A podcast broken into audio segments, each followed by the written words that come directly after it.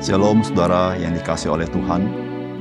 Kita bersyukur kita boleh mengenal kasih Tuhan di dalam Tuhan kita Yesus Kristus. Sehingga dengan demikian kehidupan kita tidak lain dan tidak bukan. Kita hidup bagi dia. Karena kita juga belajar mengasihi Tuhan yang terlebih dahulu mengasihi kita. Salam jumpa dalam program Tuhan adalah Gembalaku. Saudara, salah satu keangkuhan manusia itu adalah bahwa manusia itu menganggap bahwa segala sesuatu tergantung kepada manusia. Terkait juga dengan eksistensi dari Allah. Dan Allah itu seperti apa? Manusia berpikir manusia bisa memikirkannya dan mengkonsepkannya Saudara, di sini kita melihat bagaimana manusia tidak menempatkan diri pada tempat yang sebenarnya. Sebenarnya bagaimanapun konsep manusia mengenai Allah dan eksistensinya tidak berpengaruh kepada Allah itu sendiri. Karena Allah itu sendiri melampaui konsep-konsep manusia. Yang diperlukan oleh kita adalah bagaimana kita menundukkan diri kepada apa yang Allah nyatakan tentang dirinya. Sehingga dengan demikian kita boleh mengenal dia. Bukan berdasarkan cara pikir kita atau konsep kita mengenai dia. Saudara, mari kita membaca firman Tuhan dari Yohanes pasal 5 ayat 41 sampai 47. Aku tidak memerlukan hormat dari manusia, tetapi tentang kamu memang aku tahu bahwa di dalam hatimu kamu tidak mempunyai kasih akan Allah. Aku datang dalam nama Bapakku dan kamu tidak menerima aku. Jikalau orang lain datang atas namanya sendiri, kamu akan menerima dia. Bagaimanakah kamu dapat percaya kamu yang menerima hormat seorang dari yang lain dan yang tidak mencari hormat yang datang dari Allah yang Esa? Jangan kamu nyangka bahwa aku akan mendakwa kamu di hadapan Bapa. Yang mendakwa kamu adalah Musa, yaitu Musa yang kepadanya kamu menaruh pengharapanmu. Sebab jikalau kamu percaya kepada Musa, tentu kamu akan percaya juga kepadaku. Sebab ia telah menulis tentang aku. Tetapi jikalau kamu tidak percaya kepada apa yang ditulisnya, bagaimanakah kamu akan percaya akan apa yang kukatakan?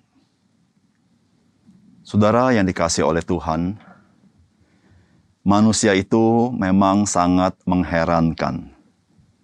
Karena demi sebuah kehormatan diri, seorang manusia bisa merelakan diri untuk menipu dirinya sendiri dengan meyakini atau mengatakan sesuatu yang tidak benar hanya demi kehormatan dirinya sendiri.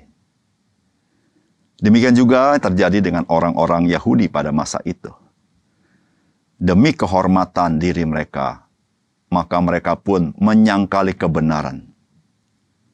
Saudara, pesan apakah yang bisa kita dapatkan dari Tuhan Yesus tentang hal ini? Saudara, yang pertama-tama, saudara,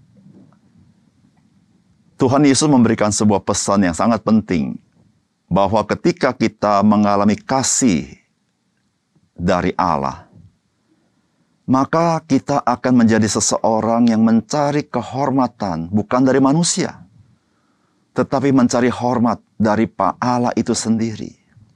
Saudara itu Yesus katakan, Aku tidak memerlukan hormat dari manusia, tetapi tentang kamu memang aku tahu bahwa di dalam hatimu kamu tidak mempunyai kasih akan Allah atau kasih dari Allah. Aku datang dalam nama Bapakku dan kamu tidak menerima aku.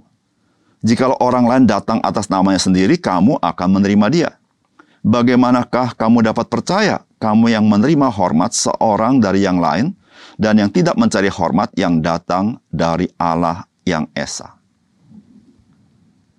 Saudara permasalahan orang-orang Yahudi pada masa itu sama dengan permasalahan pada umumnya manusia.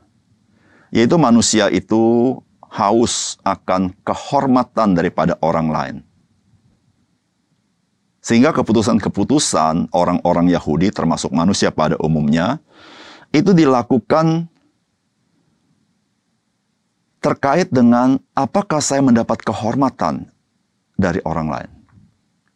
Baik itu terkait dengan keputusan terkait dengan religius atau hal-hal yang lain. Saudara Tuhan Yesus ketika datang ke dalam dunia ini, Tuhan Yesus berkata dia tidak mencari hormat dari manusia. Maksudnya adalah Tuhan Yesus menyatakan apa yang salah adalah salah, yang benar adalah benar. Dia tidak sedang menyenang-nyenangkan pemimpin-pemimpin agama orang Yahudi dengan menyesuaikan diri, dengan bermain di abu-abu. Tetapi Tuhan Yesus mengatakan kebenaran itu sendiri. Karena Tuhan Yesus tidak mencari kehormatan dari manusia. Tetapi Tuhan Yesus mencari kehormatan dari Allah Bapa. Saudara kasih dalam Tuhan. Tuhan Yesus mengatakan, mengapa mereka bisa tidak percaya kepada Tuhan Yesus?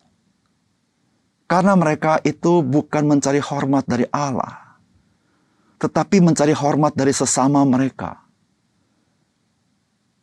Ketika mereka tahu mengenal Yesus membuat mereka kehilangan kehormatan itu, maka mereka tidak percaya kepada Yesus. Mereka sangat tergantung kepada apa pendapat orang tentang diri mereka. Di situlah Tuhan Yesus berkata, Aku tahu bahwa di dalam hatimu tidak ada kasih dari Allah. Saudara, jikalau seseorang mengalami kasih Allah dalam hidupnya, maka itu mengubah dirinya. Sehingga dia bukan lagi mencari kehormatan dari orang lain, tetapi dia berusaha mencari hormat dari Allah itu sendiri. Karena dia tahu dia mengalami kasih Tuhan dan dia berhutang kepada Tuhan. Saudara orang Yahudi, meskipun mereka begitu seperti mencintai Taurat dan sangat legalistik, tapi Tuhan berkata, di dalam hati mereka tidak ada kasih dari Allah. Saudara, kasih dari Allah itulah yang membuat seseorang celik matanya dan bisa mengenal Yesus dalam hidupnya. Ketika seorang tidak mempunyai kasih dari Allah, dia sepertinya melihat, tetapi sesungguhnya dia buta. Kenapa? Karena dia tidak pernah bisa lepas daripada kuasa dosa, hidup berpusat pada diri sendiri, dan mencari kehormatan bagi dirinya sendiri. Saudara yang kasih dalam Tuhan, sebagai orang percaya, kita semua sudah mengalami kasih daripada Tuhan. Oleh karena itu, saudara-saudara yang kasih dalam Tuhan, marilah kita menjadi orang-orang yang selalu ingin menyenangkan Tuhan dalam hidup kita. Bukan untuk mencari kehormatan dari manusia. Tetapi yang paling penting dalam hidup kita sebagai orang Kristen, apa yang Tuhan katakan tentang kita. Sebagaimana Tuhan berbicara tentang Ayub, bagaimana dia sebagai seorang yang saleh, demikianlah kita merindukan apa yang Tuhan katakan tentang kita. Itu jauh lebih penting daripada apa yang orang katakan tentang kita. Di situlah kita menjadi orang-orang percaya yang selalu mengerti dan taat kepada kebenaran itu sendiri. Dan di situ saudara, kita tidak sedang menipu diri kita sendiri. Yang kedua, dari firman Tuhan ini kita belajar. Saudara Tuhan Yesus memberitahukan kepada kita, setiap orang akan dihakimi berdasarkan kebenaran yang mereka ketahui dan yakini. Dikatakan oleh firman Tuhan, dikatakan, jangan kamu menyangka bahwa aku akan mendakwa kamu di hadapan Bapa.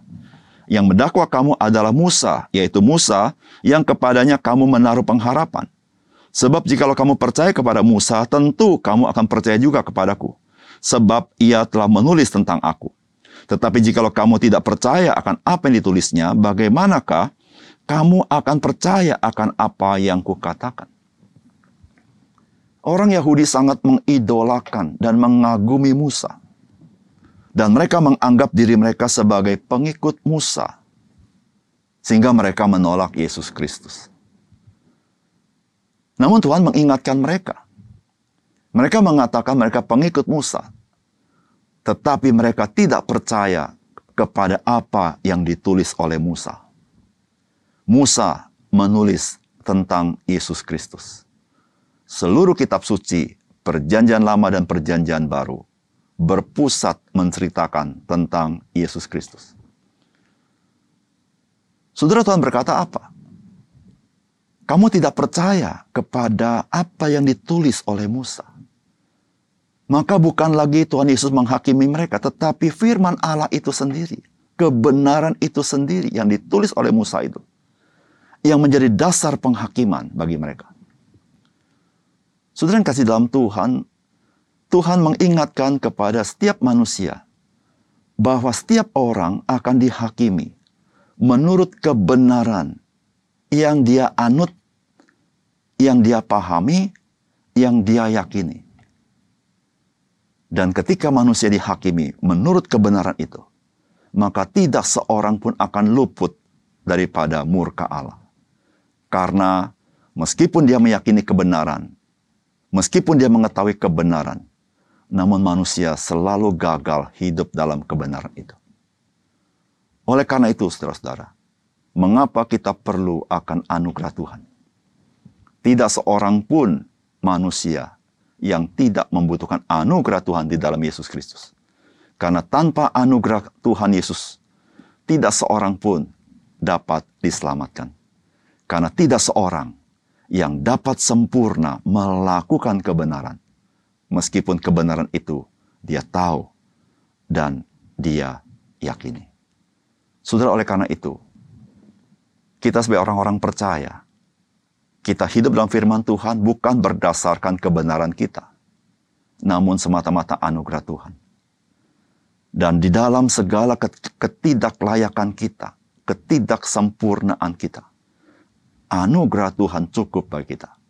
Sehingga ketika kita hidup dalam firman Tuhan, kita bisa hidup dengan sukacita. Karena roh kudus yang tinggal dalam kita, memampukan kita untuk menikmati hidup di dalam firman-Nya. Oleh karena itu, saudara-saudara yang kasih dalam Tuhan, kita patut bersyukur. Karena kita hidup di dalam anugerah Tuhan. Oleh karena itu, mari kita jangan menyia-nyiakan anugerah Tuhan. Mari kita hidup menyenangkan hati dia. Mari kita berdoa. Bapak surga terima kasih untuk firman Tuhan yang sangat indah. Karena melalui firman-Mu kami disadarkan bahwa ketika kami mencari kehormatan dari manusia, kami menjadi orang-orang yang tidak bisa menghormati Tuhan. Kami tidak bisa menjadi orang-orang yang taat kepada Tuhan. Kami cenderung menipu diri kami sendiri. Tetapi ya Tuhan kami bersyukur, kami yang selalu gagal dalam hal ini, tapi kasih daripada Tuhan yang diberikan kepada kami, menolong kepada kami, mengubah arah hidup kami. Sehingga kami bukan mencari kehormatan manusia, tapi kami mencari hormat daripada Engkau ya Tuhan.